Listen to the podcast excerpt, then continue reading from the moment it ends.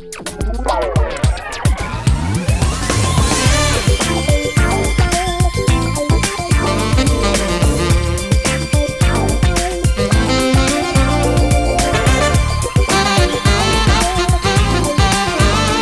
Ràdio Maricel, cada dia, al matí amb nosaltres. 10 i 8 minuts del matí, mare de Déu, han passat 11 anys des que va deixar l'Ajuntament Pau Pere de H. I no ho deu enyorar. Pau Pere de H, bon dia i bona hora.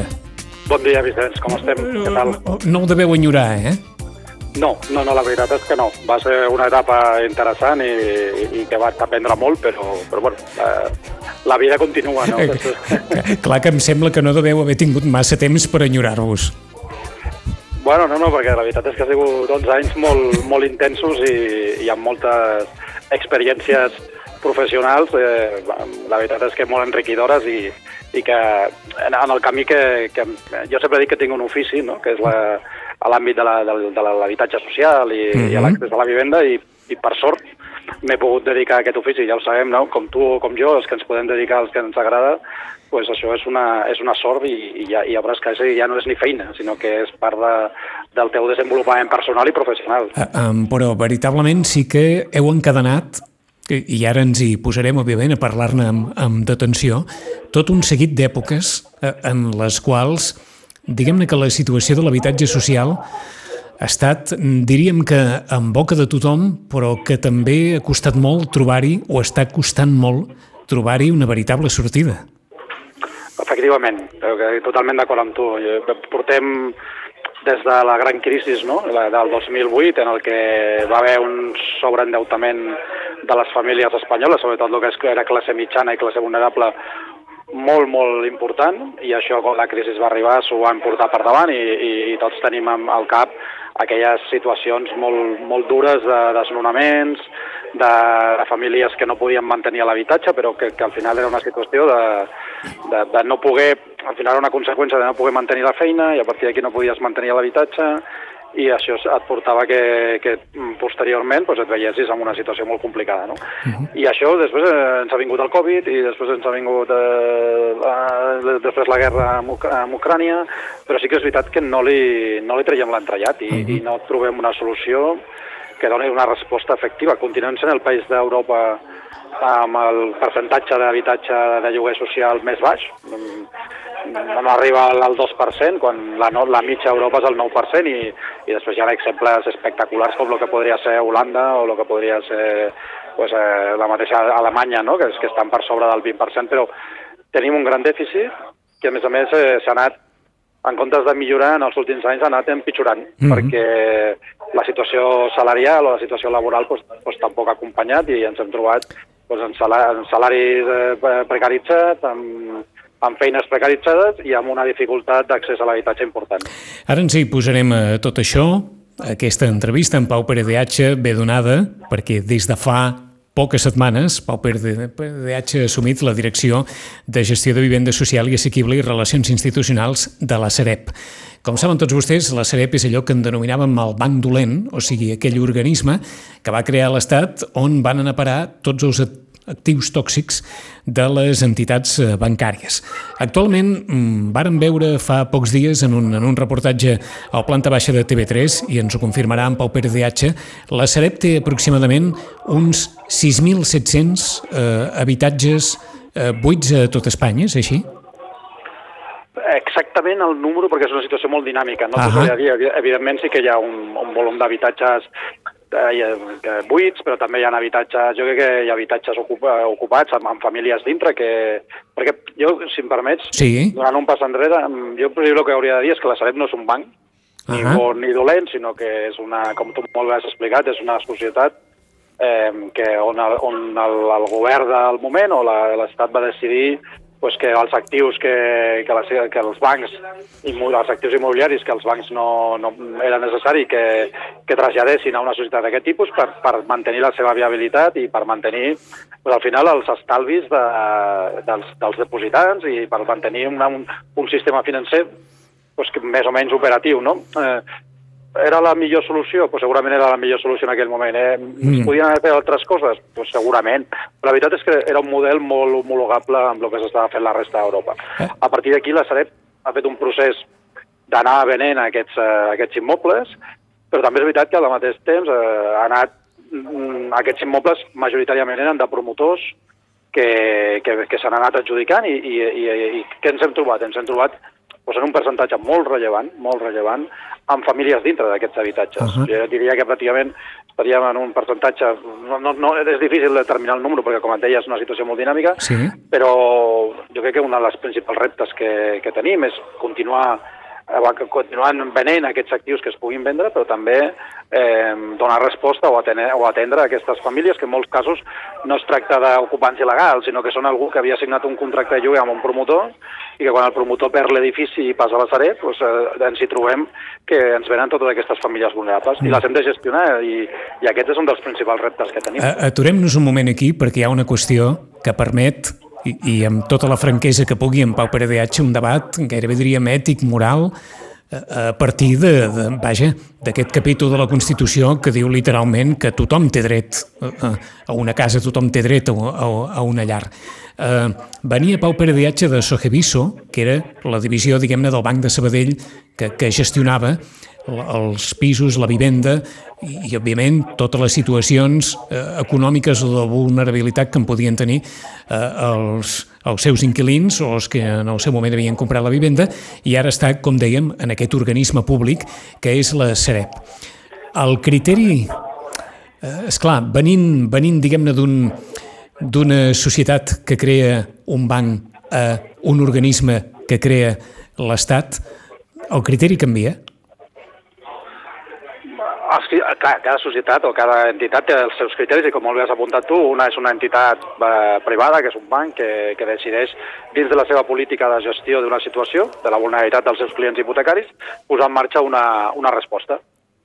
En el cas de Sareb, és, eh, té els seus propis criteris, però al final ens hi trobem les mateixes situacions de vulnerabilitat. O sigui, el que t'hi trobes són famílies dintre que no, que no poden accedir o que han accedit a un habitatge i necessiten mantenir-ho o que no poden accedir a un habitatge i aleshores a millor entren en aquest habitatge amb alguna fórmula d'aquestes que et comentava, però les situacions que ens estem trobant són les mateixes, perquè és el que et deia al principi de tot.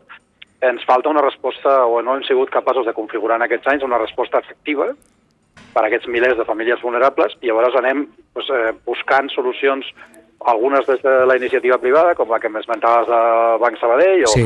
o, o la mateixa que, que té en marxa, doncs, no, o que té una cosa molt semblant, la gent de, de Caixa, no?, a través de Building Center, i, i sí que és veritat que a partir de, la, de quan Sareb passa a, a, a una posició de majoria pública eh, doncs fa uns pocs mesos i s'aprova un decret, aquest decret s'apunta que hi, havia, que hi ha una política de sostenibilitat social, però també tinc que dir-te que, que Sareb fa molts anys que està actuant en l'àmbit de la vulnerabilitat i de, i de la vivenda de lloguer social a través de la col·laboració amb l'administració pública. Llavors mm -hmm. s'han signat convenis importants, més de, més de 2.000 vivendes bueno, realment més de 3.000, de les que 2.000 ja estan entregades a, a diferents administracions públiques, eh, amb un percentatge, per exemple, molt important a la Generalitat de Catalunya, i, i ja tenim a Sareb més de 1.200 lloguers socials que hem fet a famílies vulnerables. O sigui, al final, la problemàtica és semblant, cada societat té els seus criteris, però les respostes que estem intentant configurar són aquelles que són les més homologables amb la resta d'Europa. Us ho pregunto perquè fa de,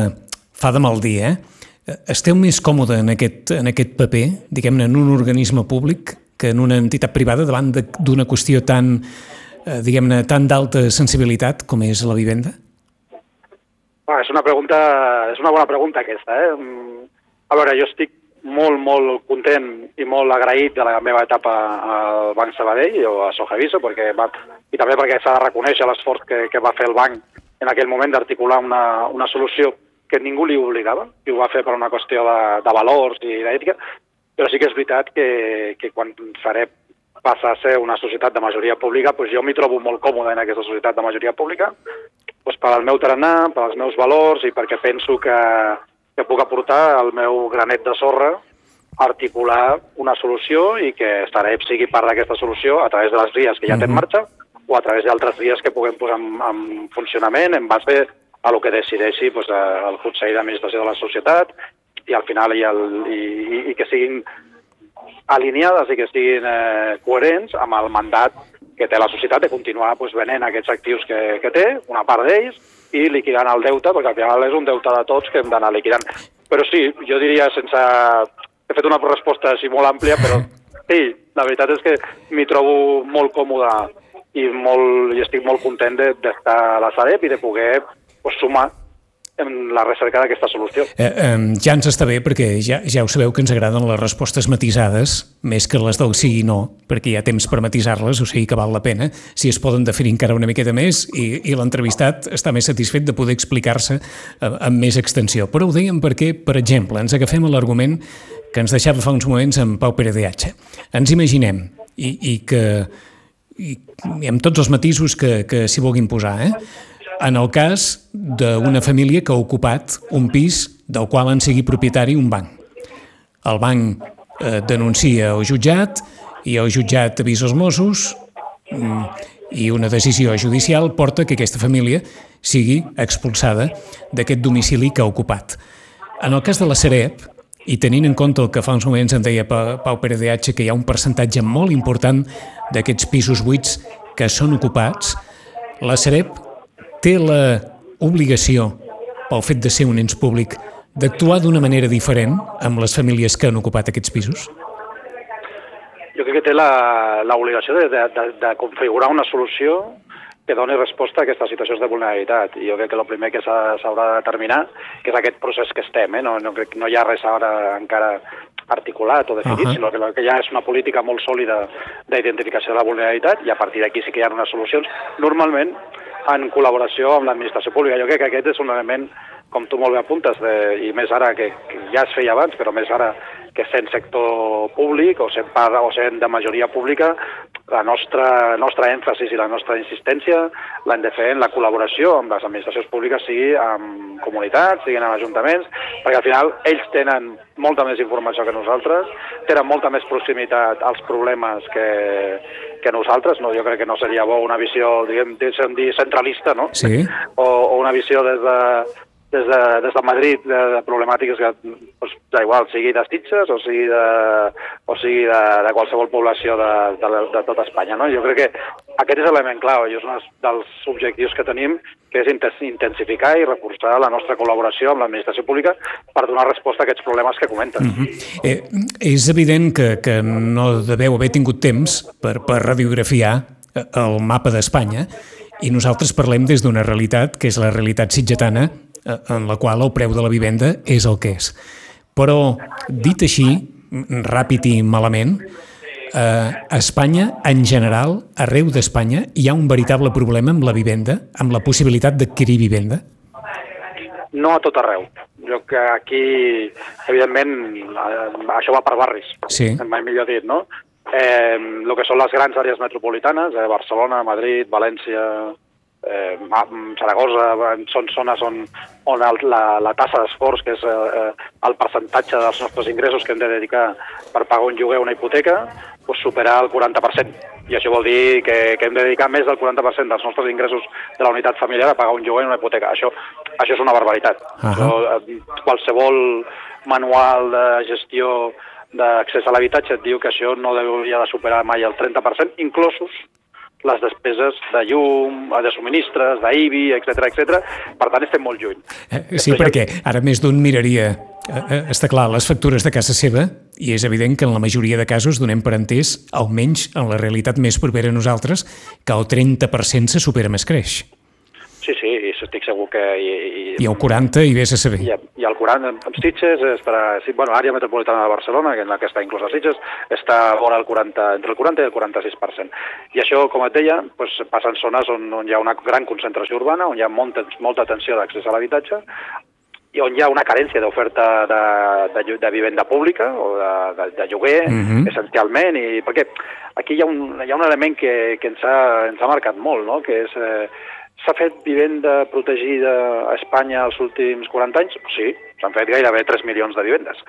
La que passa és que vam optar per un model, eh, en aquell moment, per, per raons vàries, de que aquesta vivenda fos de venda, i tenim exemples clars aquí a Sitges, no?, de vivenda Sí. protegida, i que inclús aquesta vivenda, en molts casos, quan ha arribat al final del període, de 25 o 30 anys, s'ha descalificat i s'ha venut. Això és un sinsentí. Hem de pensar que una vivenda protegida té aproximadament entre un 25 i un 30% de subvencions a la seva construcció i de subvencions la, al pagament de la hipoteca. I al final resulta que hem pagat tots una vivenda que es beneficia només una família i que aquesta família, passat un temps, eh, es desclassifica i la pot vendre. Mm -hmm. Llavors, eh, vam optar per un model que era un model que, cortoplacista, no? deixem que ho digués en castellà. Sí, sí. I que ens, Bé, i que no, no, no, no sé si dir que era un model que responia a una certa tradició i, i, i que d'alguna forma va perpetuar un model franquista que era el de la vivenda protegida, d'adquisició, perquè s'entenia, i jo diria que, que potser encara ara també s'entén o encara té molt valor el fet de comprar una vivenda més que estar de lloguer. A, a, aquí. Molt, molt, molt. Molt. Jo crec que, molt. Jo crec que som un país de, de propietaris, el lloguer està vora el 25%, no? I ha, i ha crescut molt, eh, els últims anys, Ja. és veritat que... Però, com et deia abans, hi ha zones d'Espanya on, on hi ha una problemàtica molt seriosa d'habitatge, on no hi ha resposta pública, i on hi ha altres zones d'Espanya que, evidentment, no hi ha problemàtica d'accés a l'habitatge Mhm. i, hi ha, i hi ha oferta i hi ha preus raonables. El que passa és que, per desgràcia, no sol casar la demanda amb l'oferta.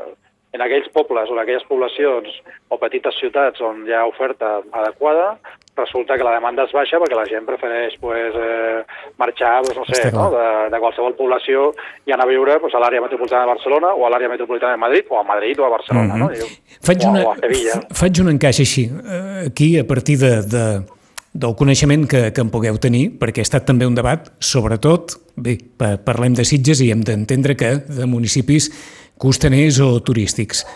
Els, els anomenats UTS, els habitatges d'ús turístic, han influït en, en el parc de la vivenda, en el preu de la vivenda, en el preu del lloguer? La meva opinió és que sí. Eh, Sitges té aproximadament entre l'última dada, eh? Sí, sí, sí. L'última dada que, que jo recordo té entre 18.000 i 19.000 habitatges. Ara hi ha els desenvolupaments que ja coneixem De Santa Bàrbara. de, de, de. Santa Bàrbara, etcètera, etcètera, que això ens portarà a 22.000, 23.000 habitatges. Tots sabem, perquè això i tu has comentat moltes vegades, ja ha sortit publicat a, a la premsa de Sitges, que els habitatges turístics són entre 3.000 i 4.000 habitatges, Sí, segurament la, el Covid ha fet ajustar, doncs, a, a qualsevol no, no cal ser un expert en habitatge per adonar-se'n que si de 20.000 o 4.000 o 5.000 són habitatges turístics, per tant estan dedicats a una activitat econòmica i no a una activitat que és la, per la que han estat concebuts i per la que han estat construïts, que és eh, generar una alternativa habitacional, doncs això genera tensió sobre el preu, perquè al final hi ha menys oferta en el mercat. Uh -huh. És veritat que sempre a Sitges hem tingut una problemàtica de, de que és una població que per la, a partir sobretot del 92, amb l'obertura dels túnels, doncs d'un increment de, de, de ciutadans de rendes mitges altes i, a més a més, doncs, amb unes condicions, diguem, habitacionals úniques.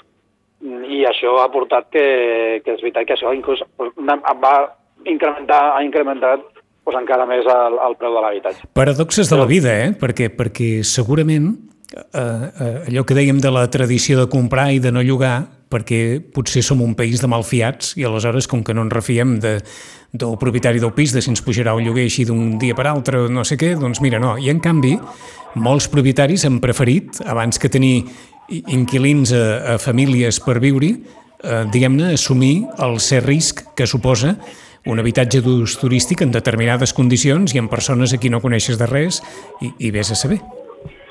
Sí, sí, aquesta és una realitat i, No. i hem vist amb la situació de Covid, les rendes de lloguer van, Ja. van, van fer una correcció Això. petita, però una correcció a la baixa, i això va ser perquè es va incrementar l'oferta, evidentment, perquè, i perquè, havia més i perquè hi havia més disponibilitat dels propietaris d'habitatge que, que estaven disposats a, a llogar, preferien llogar per tot l'any perquè hi havia la incertesa sobre el mercat turístic i això ens ha generat. Jo crec que aquí ens ha faltat com altres coses al nostre poble, eh? però ens ha Sí, sí. faltat una certa una certa contundència, sobretot perquè hi ha molts d'aquests habitatges que, que no estan regularitzats i que no estan legalitzats, i per tant això crec que no, no, no ho podem tolerar ni des d'un de vista normatiu ni des de punts de, de, de configuració de poble i, de, i, de, i la part d'impacte que té sobre l'habitatge. I després, bueno, això ens genera també una tipologia de, de turisme molt específic. Eh, eh hem de, eh, hem d'eliminar o hem d'erradicar l'habitatge d'ús turístic? Jo crec que no, però ha de ser amb una dimensió adequada, amb una regulació adequada i sobretot amb una proposta de qualitat que, que crec que hauria d'estar contemplada dins de l'aproximació la, normativa. Mm. No, no qualsevol habitatge pot valdre per, per habitatge d'ús turístic. Me'n referia quan es donaven llicències. Eh? Sí, sí, sí. Crec que hi ha uns mínims qualitatius que van més enllà de l'habitabilitat, que és algo que hauríem de tenir en compte perquè no només té un impacte sobre el preu de l'habitatge i per tant que els ciutadans i ciutadanes puguin, veure, puguin viure al nostre poble, sinó que també sobre la configuració de la, de la tipologia de turisme que tenim. Mm -hmm. Tornem a unes quantes reflexions sobre l'habitatge públic. Una que ens deixava el mateix Pau Pere de H, el darrer cop que el vàrem entrevistar l'any 2017, perquè és una frase en la qual segurament ens hi podem agafar encara avui, del principi al final, però potser la realitat ens hi permet col·locar alguns matisos. Pau Peradeach ens deia un habitatge públic no ha de ser finalista, ha de ser una palanca per superar una determinada situació d'exclusió social. D'aquí que defensés l'habitatge de lloguer. Però què passa quan, diguem-ne, la realitat quotidiana impedeix a les persones que estan en aquest habitatge públic en règim de lloguer pensar en què en el futur deixaran aquest habitatge perquè podran accedir a un altre habitatge. I, en canvi, la realitat demostra que ni per ingressos econòmics ni per situació del mercat hi haurà aquesta possibilitat de sortir de l'habitatge públic i que sigui una veritable palanca perquè no, no hi haurà lloc on anar, perquè tot continuarà sent molt car. Aquesta, jo crec que és, és, has tocat un, un element clau de, de, de la problemàtica d'accés a l'habitatge. Ara ens hi trobem amb un model bipolar, o un model binari, perdó l'expressió, eh? un model binari. Un model binari on tens un habitatge públic sí. o un habitatge de mercat de preu elevat. Exacte. Ens falta eh, generar un, eh, un segment o una tipologia d'habitatge al mig, que és el famós habitatge assequible, de lloguer assequible perquè és just per lo que tu dius. Hi ha, un, hi ha una, si, si radiografiem la situació de les famílies vulnerables i no vulnerables, eh, que accedeixen a un habitatge, doncs en, un, en un moment inicial o en un moment en una situació, en una problemàtica social, necessiten un habitatge de renda molt baixa, quan una part d'ells, perquè no són tots, com tu molt bé dius, una part d'ells supera aquesta situació eh, i millora les condicions socioeconòmiques, el sala mercat no el pot fer, perquè ha de passar de pagar pues, eh, 400 euros a 1.000 ens falta un segment, que és eh, el segment del lloguer assequible, que just es posa al mitjà, que és un segment que està entre un 20 i un 30% per sota del preu de mercat i que dona resposta a aquestes situacions per poder generar una bossa d'un lloguer doncs a Sitges on estigués a, a, a 500, a 600 euros, mm -hmm. 400 euros, o a Barcelona. Això és el que ara s'està això és el que ara s'està impulsant. Jo crec que hi ha l'experiència de, de Metropolis eh, a Barcelona, no? Habitatge Metropolis Barcelona, que és un projecte de col·laboració públic-privada entre l'Ajuntament de Barcelona, l'àrea metropolitana i un operador privat, que és Tebassa, o el Plan Vivi a Madrid, que és just per dirigit a resoldre aquesta problemàtica que comentes, perquè tornem a una, un dels elements que jo sóc una mica pesat en aquest sentit, que és la norma a Europa. A Europa existeix un sector que es diu l'affordable, eh, que és el, el lloguer assequible, i que és per aquesta tipologia, que en el fons és famílies que no poden pagar mercat, però que tampoc estan en una situació d'exclusió social, sinó simplement que necessiten un lloguer que estigui per sota de mercat perquè les seves eh, rendes, els seus ingressos, doncs estan en aquest nivell i perquè també el preu de, de lloguer de mercat o hipotecari, o de la hipoteca o del preu de l'habitatge sí. s'ha posat en els nivells que s'ha posat. Aquest és un dels grans reptes que tenim actualment i és una cosa que ja que és un, un, un àmbit que ja s'estan fent actuacions i que, i que aquí és clau la col·laboració públic-privada. Ara, mm, és que m'ha vingut aquí un pensament a, a partir de a la forquilla que ens assenyalava Pau Pere H. O sigui, caldria un lloguer assequible que estés en aquest intermig entre la vivenda que es posa, que es posa a la venda i la vivenda social. A Sitges s'estan fent habitatges de protecció oficial que venen, si no tinc mal entès, taxats per als preus que la Generalitat eh, marca per determinades zones de Catalunya i el preu màxim per metre quadrat i això marca, per dir-ho d'alguna manera, el preu al qual s'ofereix a la ciutadania aquest tipus de pis. Ens han quedat, diguem-ne, unes promocions de pisos en les quals el pis més econòmic, que és el pis d'una habitació, surt a 327 euros al mes i el pis més car, que és el de 4 habitacions, surt a 734 euros al mes. I la majoria volten els 500, 524, 600 euros, més o menys. És clar, eh, ens ha sortit un habitatge de protecció oficial a partir del que ens deia Pau Pere de que vindria a ser aquest habitatge intermig que comentàvem ara, no? Totalment. Totalment. I un, i un, i un petit matís, el que marca la Generalitat és el preu màxim. D'acord. O sigui, no, Eh, tu és no estàs dir- obligat a fixar aquell preu. Tu Ah, podries, tu podries sobre aquest mòdul, no, que és el que Sí, marca la Generalitat, sí. doncs, són, crec que Sitges és la zona, és zona A, Sí. i aquest preu em sembla que són pues, eh, pues el 7, el, el 7 o Eh, el els 8 vuit euros. euros, sí, sí, sí, sí. Exacte. Tu podries, com a promotor o, com a, o, o, o, des de, o indicat des del mateix Ajuntament, dins d'una racionalitat econòmica, dir, pues, escolta, no cal que posis el preu màxim, pots ajustar el preu màxim. Dit això, s'ha anat al preu màxim i em sembla molt bé perquè, serà de l'interès de, del promotor, que al final és un promotor social però no deixa Sí, de ser un sí, sí. promotor, com, com qualsevol altre, i perquè ha de treure el seu marge i ha de treure els seus, eh, ha de cobrir els, pues, els seus, el seu cost d'oportunitat, i llavors hem portat el preu de, del lloguer pues, a un rang de lloguer assequible que també, que també ens fa falta. Si D'acord, do- doncs deixeu-me- Ara, ara el que haurem d'abordar és aquest segment social. Ah, doncs és de, de, deixeu-me que exageri la- la- l'assumpte i, i em matiseu, eh, tot el que faci falta, però perquè tothom ens entengui.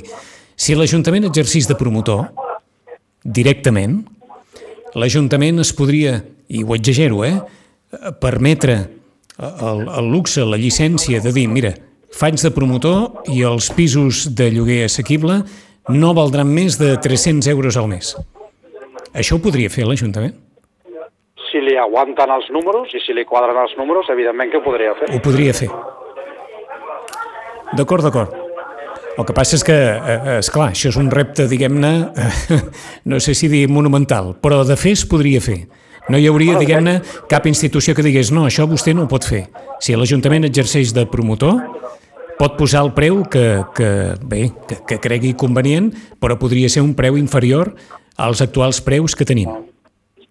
Sí, totalment. Un ajuntament té tres vies actualment per desenvolupar un parc públic de- de- d'habitatge de, de lloguer o, o d'habitatge de lloguer, perquè és el que estem parlant. Sí, sí, sí. Pot, pot el camí que hem agafat, que no és no només a Sitges, sinó que és un camí que s'ha agafat en diversos, que és, escolta, busco un especialista, que a més tingui una connotació social, però és un promotor, Mhm. li posem el cognom de social, però és un promotor, i aquest, eh, escolta, em construeix eh, amb, i després em gestiona, i d'aquí 75 anys em torna a l'edifici pues, eh, en perfecte estat de conservació, i, a- i als 75 anys decideixo si vull tornar a fer una, una concessió o, o no.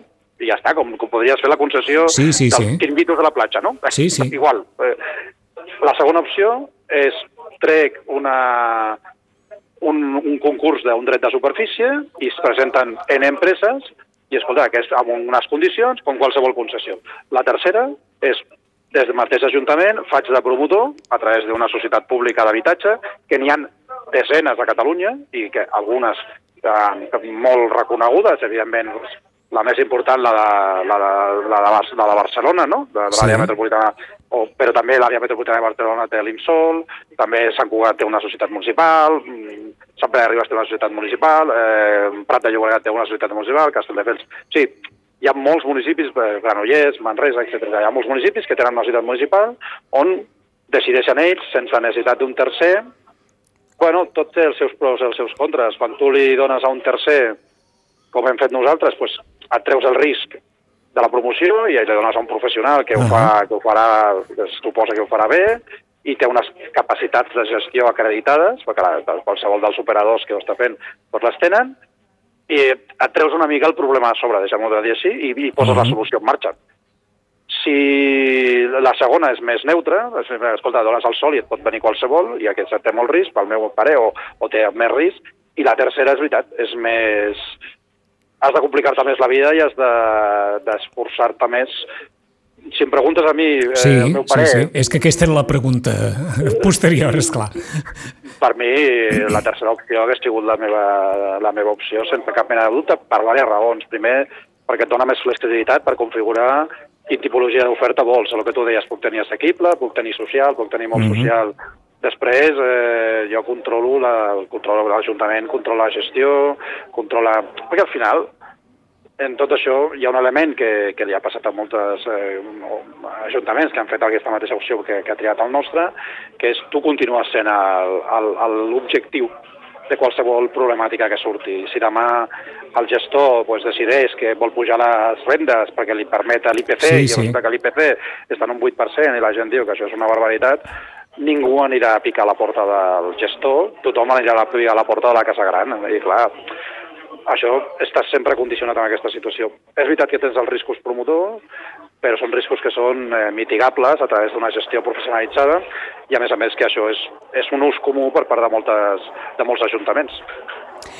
Um, i, I Sitges no seria fer volar coloms, que, que Sitges es pogués plantejar això. Eh? Ho pregunto per si les circumstàncies del mercat, que, que no, tal, tal no, com no. estem, no seria fer volar coloms que l'Ajuntament decidís en un moment donat i assumint totes les responsabilitats i tot el que suposa per, per la casa mm, la gestió de tot això, exercir la promoció com l'havia exercit en anys, vaja, en, en època de, de Pere Junyent, l'Ajuntament va exercir la promoció, per exemple, de, dels pisos a la zona de les cases noves, l'únic que s'hi va enxampar els dits amb la constructora que després va plegar. En fi, que hem tingut experiències de, de, de tota mena, però ho podria tornar a fer això l'Ajuntament si volgués i aconseguiria uns preus millors podria regular els preus perquè no tindria un tercer que li diu escolta, ja necessito portar el mòdul al màxim, mm -hmm. sinó que podria ajustar aquest mòdul pues, als 7 als 8 euros, doncs es podria posar 6 euros, podria tindria major flexibilitat en el que és la gestió d'aquest parc, per tant podria atendre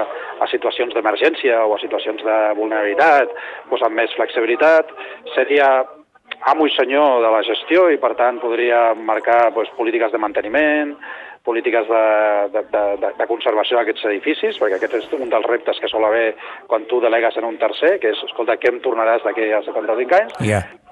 Evidentment, és riscos n'hi ha, clar que n'hi ha. Pues tu has esmentat el que, que va ocórrer i, i continuen passant, però també és veritat que, bueno, és com tot, al final hi ha coses que, coses que hauries... És allò que t'ensenyen, no? Hi ha coses que pots externalitzar no, això t'ho ensenyen quan, eh, quan per gestionar empreses o en el món de l'empresa. Diu, hi ha coses que vols externalitzar que no són allò troncals i hi ha coses que no hauries d'externalitzar mai perquè són troncals. Jo, des de la meva perspectiva, igual una mica esbiaixat perquè és la meva professió, sí. crec que l'habitatge és una cosa que no hauríem d'externalitzar, sinó que hauríem de controlar des del propi Ajuntament i des, de, mm. i des, de la propi, des del propi serveis eh, públics perquè és un element més important i més en un municipi com el nostre, que pateix una gran tensió de, en l'àmbit de l'habitatge i on, i on hem vist durant molts anys que centenars de joves i no tan joves han tingut que marxar al poble perquè no hi havia una resposta efectiva. O sigui que per una banda tindríem, i a veure si en aquestes tres potes es pot resumir més o menys el, el plantejament que, que ens deixa Pau Peredeatge, per una banda tindríem que l'habitatge hauria de ser sempre de lloguer i mai de venda, per una altra banda tindríem la problemàtica dels pisos turístics il·legals, que s'hauria de regular més o que s'hauria s'hi hauria de fiscalitzar més o ser-hi més al damunt que el que s'està ara, i per altra banda la possibilitat o la convicció que l'Ajuntament exercís sempre de promotor de vivenda pública. I afegiríem, i afegiríem alguna més aquí? I afegiria jo un, un quart element, que seria reforçar els mecanismes de col·laboració públic-privada, uh -huh. tant en l'àmbit de, la, tant en l'àmbit de la gestió de la gestió social, per dir d'alguna manera, i de l'àmbit de... Pues, perquè hi ha problemàtiques molt diverses i, i al final l'habitatge social no, no, no té només aquella connotació de habitatge per, habitatge per persones que tenen una situació socioeconòmica molt, molt, molt gravosa, sinó que al final és una, és, és una resposta, no? I en aquests tres segments, que és com, com ens hi trobem tots, escolta, que, que, que per aquesta necessitat que tinc, sigui en l'àmbit de l'habitatge o sigui en l'àmbit de l'alimentació o sigui en l'àmbit de la salut, tinc diferents opcions. Pues aquesta, jo crec que aquesta col·laboració públic-privada no, no en l'àmbit de la millor de la gestió, com hem fet a nosaltres a Sitges, que tampoc és un mecanisme de col·laboració públic-privada, perquè al final hem, hem, hem fet un procés d'adjudicació a un tercer, a més a més a través d'un procés que crec recordar que ha sigut directe, no? perquè al ser una entitat social doncs ha, sigut, ha sigut directe. Sí que crec que hi ha altres àmbits, per exemple, hi ha un punt molt important que, que no voldria deixar d'esmentar-ho. Tenim tota la, aquella peça d'equipaments a Can Robert, Sí. pues, eh, un, parla el desenvolupament d'aquest habitatge de lloguer assequible que et comentava. Hi ha molts ajuntaments que estan posant aquests sols d'equipaments, o part d'aquests sols d'equipaments que tenen, perquè entenen que no els hi cal, doncs, no els hi cal una altra biblioteca, o no els hi cal un altre CAP, o no els hi cal un nou edifici de l'Ajuntament, sinó que potser el que fa falta és habitatge, doncs estan establint mecanismes de col·laboració amb empreses per, per desenvolupar, doncs, com ha fet Barcelona o com ha fet Madrid, no? per desenvolupar aquest lloguer assequible que no té una connotació social tan evident com la que deia. Jo crec que, que és una, una, un element que també hauríem de reflexionar. Què fem amb aquests equipaments i si aquests equipaments podem desenvolupar un segment de lloguer assequible que ajudarà a destensionar el mercat. Eh, això significaria, evidentment, eh, eh, revisar el pla general i canviar la clau d'algunes d'aquestes zones, no? Principi, ara et parlo de, de memòria, eh? Sí. però en principi no, perquè dins, de, dins dels usos de l'equipament es, poden fer es poden fer habitatges dotacionals adreçats a lloguer i, per tant, a no ser que hi hagi una especificitat en, Sí, aquesta, sí, sí, aquest, sí. en aquest àmbit que jo desconegui, que pot ser, eh? Eh, però la norma diu que si és una, si és una zona d'equipaments i és un habitatge dotacional, es pot fer. D'acord. Uh, um, en aquests minuts finals, com que, com que ho ha comentat també Pau Peredeatge en algun moment de la, de la conversa, què, què han fet els alemanys o, o, o què, què ha fet Europa perquè hi hagi una quantitat, un percentatge de, de vivenda social del 10, del 15% o fins i tot del 20% o més de la quantitat de, de part de vivenda. Com, com s'ho han fet o, o a partir de quina, de quina tradició eh, han, han pres la mida o com, com ha anat això? Bueno, hi ha diferents, eh, hi ha diferents propostes, no? Per exemple, Viena, que és la més famosa, Viena té un 70% de lloguer social i assequible a la ciutat de Viena, però van començar fa 100 anys. I És- això deriva de, deriva d'aquella tradició dels industrials eh, de, de l'època, de, de, de fer un component de construcció de vivenda per als seus treballadors, Està clar. i això va arribar un moment que es va traslladar a l'àmbit públic, a l'àmbit de l'Ajuntament, i, i són 100 anys de, de bona gestió, d'inversió i de bona gestió. I de bona gestió i de bona gestió, perquè aquest és l'element clau per al lloguer.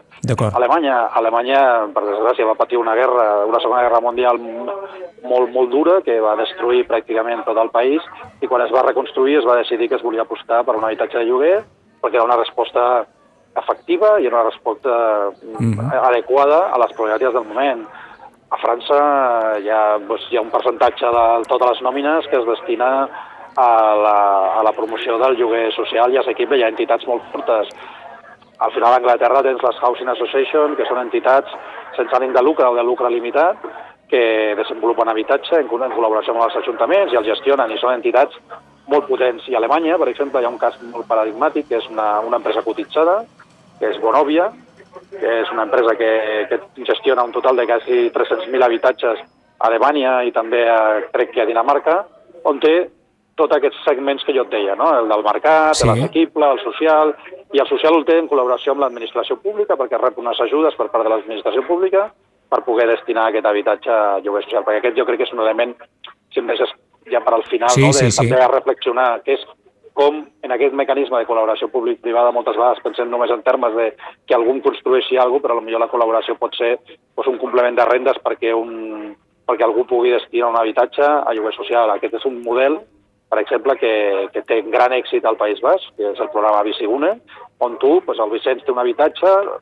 el lloga per preu de mercat al govern eh, basc, Sí. i el govern basc després ho relloga a un tercer a un, a un import eh, social. Pues a tu et paga 800 i el, i el llogater li cobra 250 i el diferencial l'assumeix el País Basc. Ja sé que tothom quan li dius això el País Basc té un cupo i Ja, té ja, una ja, capacitat ja. econòmica, Sí, sí, sí. però aquest és el model alemany, aquest és el model...